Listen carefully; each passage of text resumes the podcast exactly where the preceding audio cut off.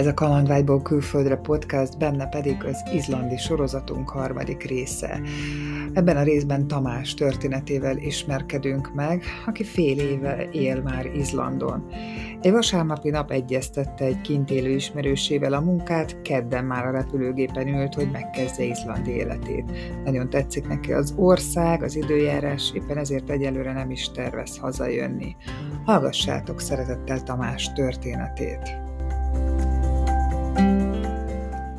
Albert Tamás vagyok, én Veszprémi születésű ember vagyok. Ott éltem gyakorlatilag tavaly júliusig.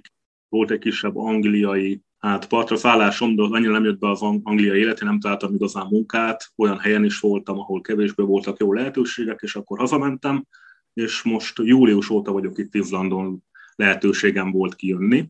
Mégpedig nagyon érdekesen kerültem ide, egy szintén Veszprémi ismerősöm, aki azért jó pár olyan tíz éve fiatalabb nálam, de ugye a, a tágabb értelme vett baráti körökhöz tartozott. Ő már hat éve itt él a feleségével, szinte magyar a felesége, és kiköltöztek, és hát leginkább hoteleknek szokott a menedzsere lenni, és most éppen megint egy hotelnek lett a menedzsere, egy gyakorlatilag az ősz elejéig tartó nyári szezonhotelnek, csak nem talált embert egy 650 fős település kell elképzelni, észak-nyugaton, Westfjordnak hívják, gyakorlatilag Grönlandot lehet látni jó időben. Tehát olyan szinten észak-nyugaton van. Egy gyönyörű szép hely, tényleg, hát mi azt mondanánk rá, hogy falucska, de ha az ember oda megy, akkor látja, hogy ez, ez minden csak nem falu. Kevesen lakják, de akkor minden még kórháza is volt. Nagyon jól felszerelt kis, kis város, egy halászváros, gyakorlatilag. Csak nem talált embert a hotelben, és két Izlandit el kellett, hogy küldjön, mert annyira nem tudtak dolgozni, vagy nem nagyon akartak, és akkor így most föl, fölszabadult két hely, és én voltam az egyik, akit így fölvett. Igazából ez annyi volt, hogy mai napig emlékszem, valamikor szombatról vasárnapra éjfélre éppen játszottam a számítógépen, és akkor följött a Facebookon, hogy housekeepinget keres, vagyis takarítót, gyakorlatilag szobák és hát szobaszerviz gyakorlatilag, de ugye benne van a folyosóknak a takarítása is, és én azonnal ráírtam, és másnap, ugye már késő volt, másnap rögtön megbeszéltük, hogy, hogy akkor jövök, és akkor ez volt ugye vasárnap, és kedden már ültem a repülőn. Gyorsan Semmit nem gondolkoztam rajta, igen. Segített a döntésben, hogy ne, éppen nem volt munkám. Ez Anglia után mennyivel volt? Tehát hazajöttél Angliából, és az volt a fejedben, hogy mész tovább valahová külföldre? Akkor nem volt az a fejemben, megmondom őszintén, hogy pszichésen még azt is lehet mondani, hogy annyira összeroppantam emiatt is, hogy Angliában nem sikerült sajnos.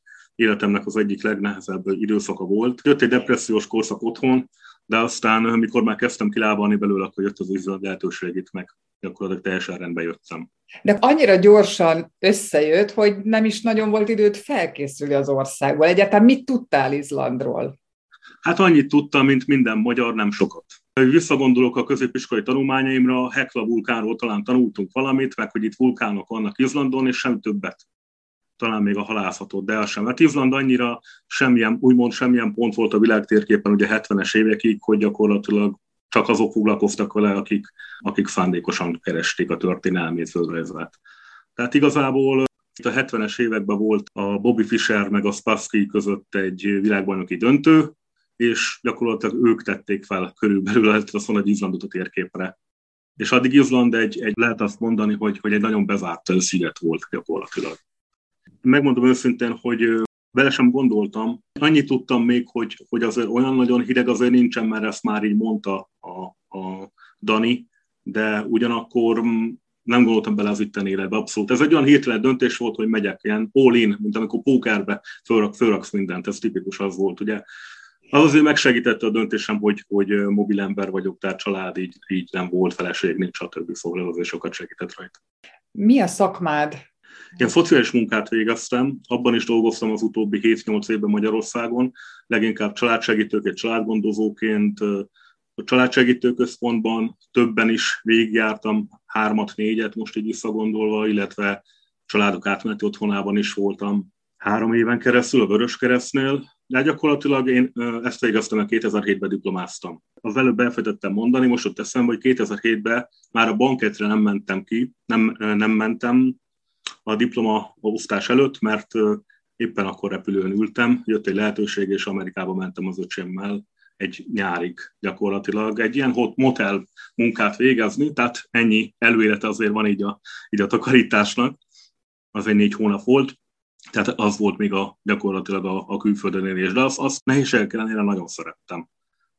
Akkor gondolom, hogy angolul beszéltél, hogyha ilyen angol nyelvterületre mentél előtte. Angolul érdekes, mert én mindig azt hittem, hogy nem igazán tudok angolul, és több ismerősöm is itt is már megerősített benne, illetve van egy nagyon jó otthoni barátom is, aki külügyminisztériumban dolgozik, tehát minden nap gyakorlatilag angolul kell beszélni, hogy sokkal jobban tudok angolul, mint én hiszem magamról.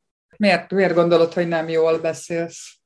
Igazából én azt tapasztaltam, hogy fél Európát én bejártam, mert egy kártyát játszottam, egy kártyaversenynek voltam így úgymond a, az egyik szereplője, és amerre mentem mindenhol, sokkal jobban beszéltek angolul, mint én, és előfordult az, hogy már nem mindig értettem őket, illetve leginkább azt mondom, hogy nem mindig tudtam olyan, olyan szépen kifejezni magamat, mint mondjuk akár a svéd, vagy akár a, akár a, a német, vagy akár a, még a franciát is mondhatom. Tehát mindenki jobban beszélt angolul, mint én szinte. És ugye az ember mindig ugye másokhoz méri magát, csak így, így tudja gyakorlatilag úgy meghatározni helyét a világban, és uh, itt derült ki, jó, nyilván már itt vagyok fél éve, szerintem itt fejlődtem inkább többet. Itt már nagyon sokat megértek, hála Isten, úgyhogy még azért van ezzel munkám. Izlandit még nem kezdtem el tanulni, először beszéljek jól angolul, aztán majd utána. Egy picit a gyakorlati részét bontsuk ki, tehát eldöntötted, hogy kimész, azt már tudtad, hogy van munkád. Gondolom, hogy ott a szállodában van a szállás, vagy volt a szállás. Igen, hát nem a szállodában, de a szállodához közeli staff house-ban egy gyakorlatilag ott élt az egész kiszolgáló személyzet, a staff. És megérkeztél, mi történt, hogyan indult az izlandi életed? Mikor álltál munkába? Igen, hát ugye érdekes volt, mert ugye Budapest Reykjavik a járat, és egy éjszakát még kibérelt nekünk a, a menedzser, és ott voltunk egy hotelben egy éjszakát, és másnap mentünk tovább a Westfjordra, ami Reykjaviktól még egy olyan 5 órás autóútra van, 400 km, viszont mi repülővel mentünk, mert hogy Izlandon belül vannak repülőjáratok. Kell is, mert vonat ugye nincsen, vasútja nincsen Izlandnak, nem lenne értelme, mert gyakorlatilag a fjordok lakottak, csak a partok lakottak körbe-körbe, és így nem lenne értelme kiépíteni gyakorlatilag a fjordok miatt sem vasutat, mert ugye annyira tagolt a part, hogy, hogy gazdaságtalan lenne. Buszok meg nem igazán vannak, meg azért 5-6-7-8 órát az ember nem buszozik, eléggé ritkák is a buszjáratok, úgyhogy 35 perc volt a járat összesen a repülő úgyhogy azzal érkeztem meg a Westfjordra. Egy gyönyörű, szép, leírhatatlan helyre érkeztem, de már Reykjavik is nagyon tetszett nekem, amennyit láttam belőle. Ezek az uzmók, az izlandi uzmók az, az, ami előtte sosem láttam, és így kicsit úgy, érez, úgy éreztem, hogy így, sosem fogyasztottam hát alkoholon kívül drogot az életemben, de úgy éreztem kicsit, hogy mintha egy kicsit így, így lennék drogozva. Tehát olyan, olyan jó érzés kerített hatalmába, hogy rögtön megéreztem, hogy itt van a, itt van a helyem már amikor leszálltunk a repülőről. Nagyon érdekes, mert igazából nem én döntöttem el, hanem olyan, mintha a sziget választott volna engem. De mi, mi az, ami így magával ragadott, mondjuk az uzmókon kívül? Mondtad, hogy Reykjavik is nagyon tetszett neked, ott gondolom, hogy nem az uzmók fogtak meg. Igazából pont ott a reptéren, amikor vártuk a reptéri busz, mert másfél órát azért várni kellett, azt azért tudni kell Izlandon, hogy senki sem siet és másfél órát várakoztunk a reptéri buszra, mert elment előttünk, és csak 90 perc jött egy új. De már addig is hatalmas szél volt, ami, ami szintén ugye újdonság volt nekem, bár a Szelek városából jöttem, azt szokták mondani, hogy Veszprém a Szelek városa, de azért itt új értelmet nyert az, hogy, hogy mi is a szél Izlandon.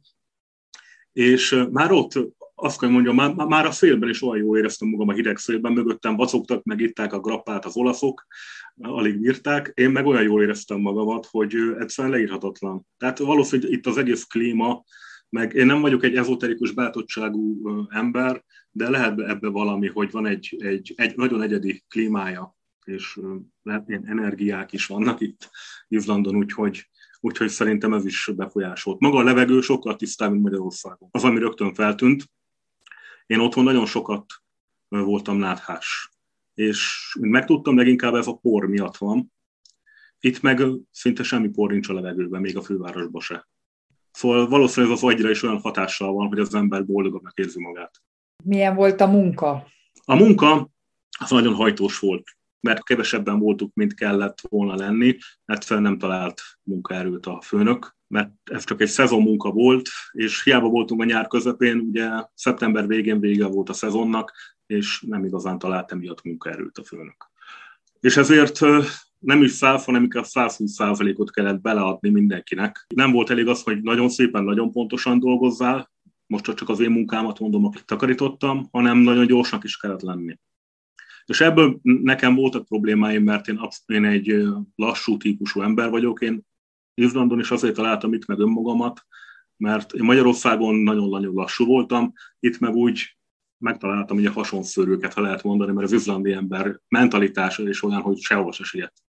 Itt embert még nem láttam, és értett volna buszra például.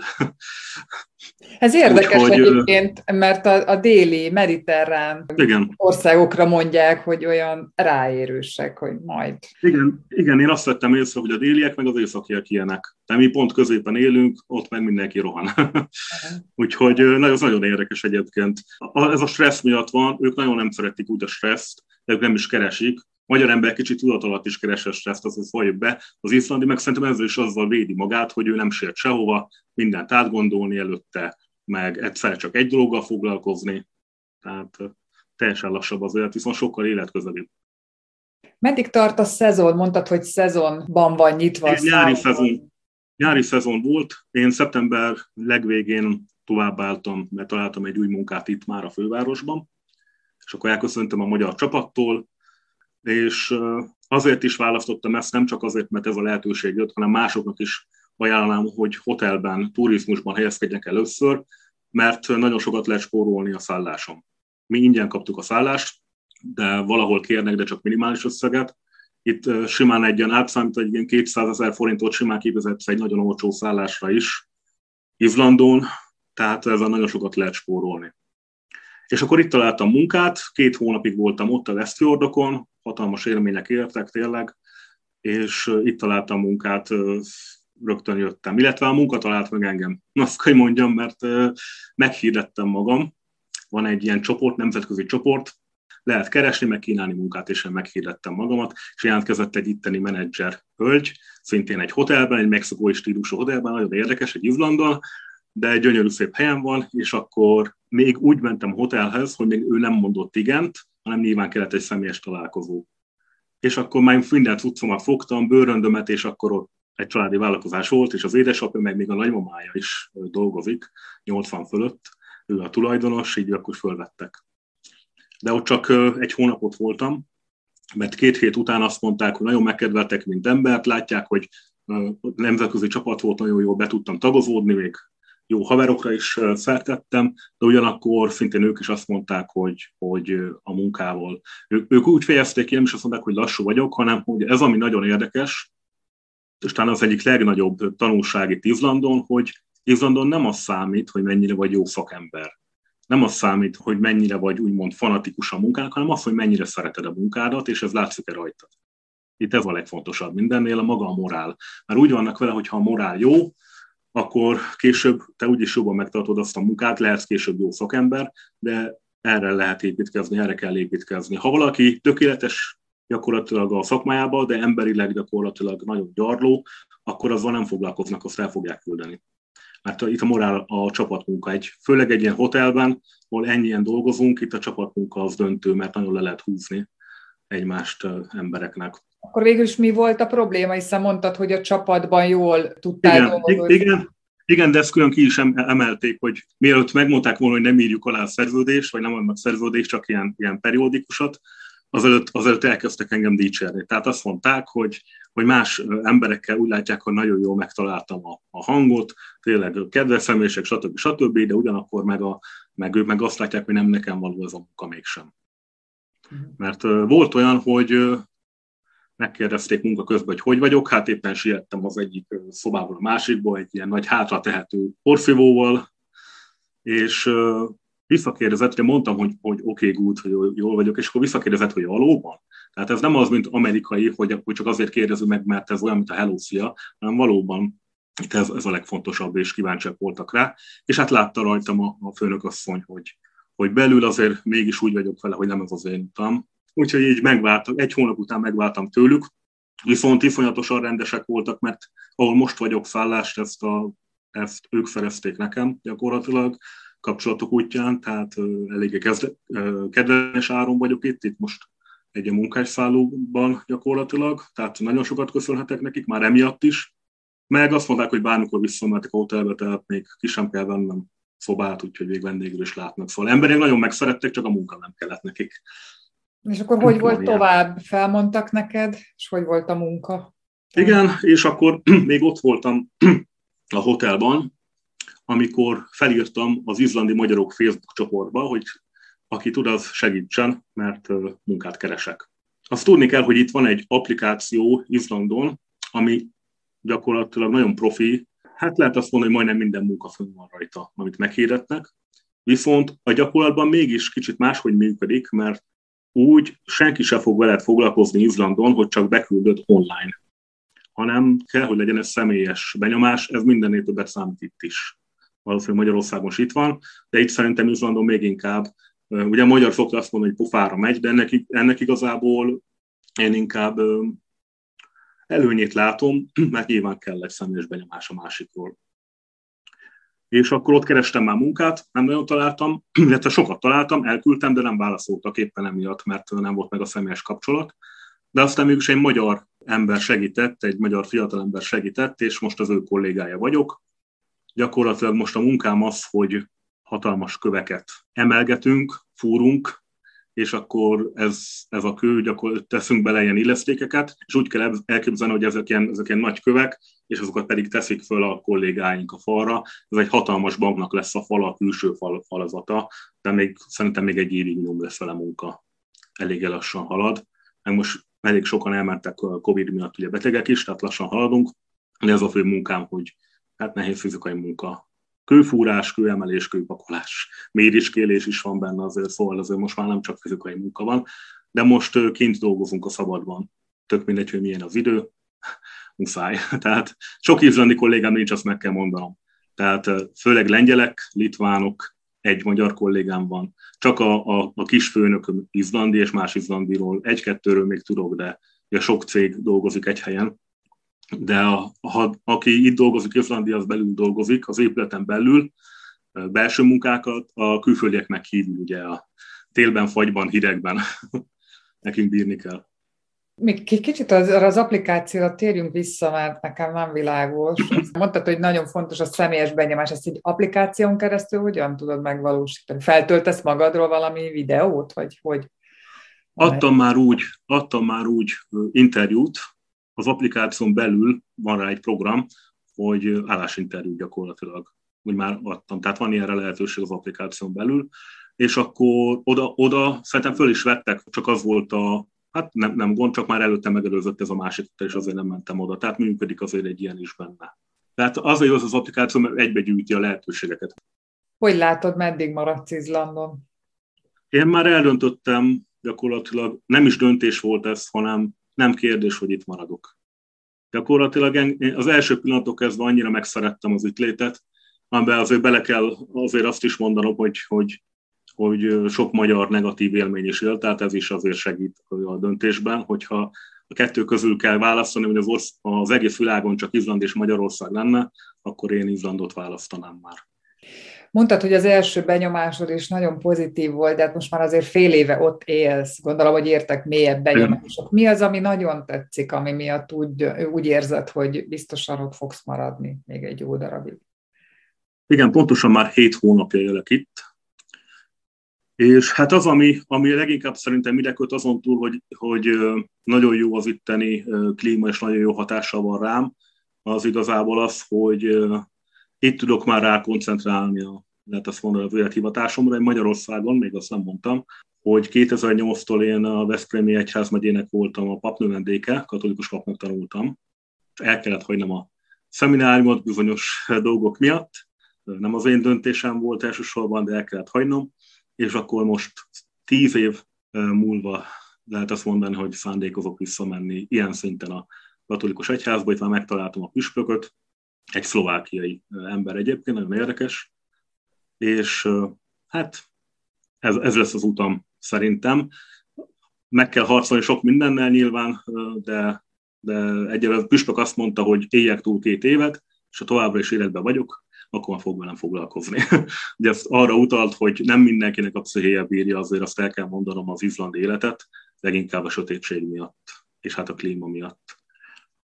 De akkor azon túl vagy, hiszen most jövünk ki a télből, Igen. tapasztaltad ezt a... Igen, Szerintem most kezd csak fölkelni a nap, még itt fő van nálam kapcsolva a villany, amikor kezdtük az interjút, meg sötét volt, de egy hónap múlva már szinte behozzuk Magyarországot, utána meg már egyre inkább jön a világosság. Viszont én azt vettem magamon észre, mivel én rögtön a nyárba csöppentem bele tavaly, és nagyon érdekes volt, mert egész életemben nem, de itt Izlandon kaptam először kicsit napfúrást, illetve volt, hogy egy, el is ájultam bizonyos dolgok miatt, közrejátszott az is, hogy, hogy megfőttem szó szerint. A jacuzziban ültem, és olyan erős a nap, amikor is süt a nap Izlandon, akkor sokkal nagyobb az ereje, mint Magyarországon. 15 fok, az kb. 25-nek számít. Szóval ne, nem számít, hogy mit ír, a, mit ír a skála. És azt akarom ebből kihozni, hogy jobban szeretem a sötétet, megmondom őszintén. Én pont fordítva vagyok belőle, mint, mint a legtöbb magyar is, aki tényleg nagyon hiányzik a, a napsütés sok magyar azt mondja, hogy, hogy azt hiányzik a legjobban Magyarországról, akik, akik már 5-10-20 éve itt élnek. Hát én még csak 7 hónap élek itt, de én azt vettem össze, én egyre inkább szeretem a sötétet. Inkább. Kiknek javaslod Izlandot? Milyen habitusú embereknek való? Szerintem megtalálhatja itt magát mindenki, viszont az én tapasztalatom az, hogy hogyha valóban azt, akarja, azt akarják, hogy otthon érezzék magukat, hogy valóban otthon legyenek, akkor ne legyen az ember túl pörgős, ne legyen állandóan csak a munkára gondoló munkaalkoholista, hanem, hanem itt, itt nagyon sok én időre van lehetőség.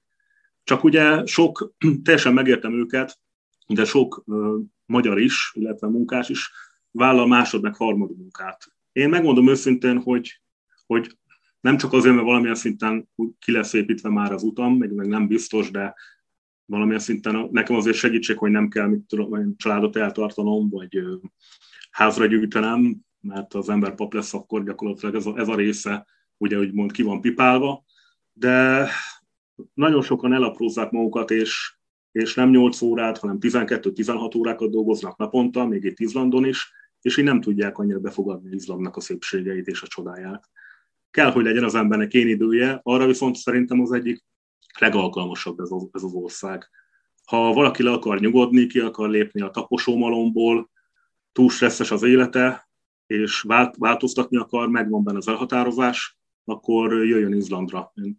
Mit csinálsz, amikor nem dolgozol? Hogyan telik a szabadidőd?